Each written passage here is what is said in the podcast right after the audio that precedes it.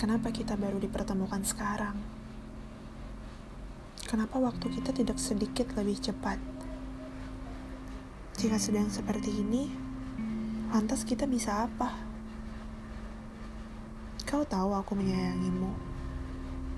Begitupun aku yang mengetahui kau juga menyayangiku. Lalu jika sudah begitu, siapa yang harus kita salahkan?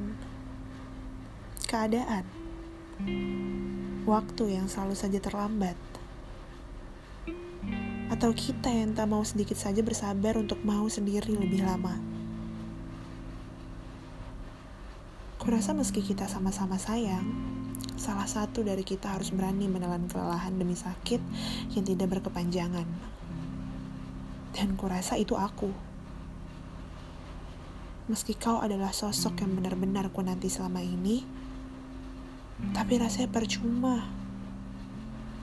Menyesal jika sekarang telah lelah separuh hidupmu adalah hidupnya. Biarlah ini menjadi kisah yang tak pernah kita berdua ceritakan. Kisah tentang dua hati yang sama-sama tahu, yang tak pernah bisa menyatu.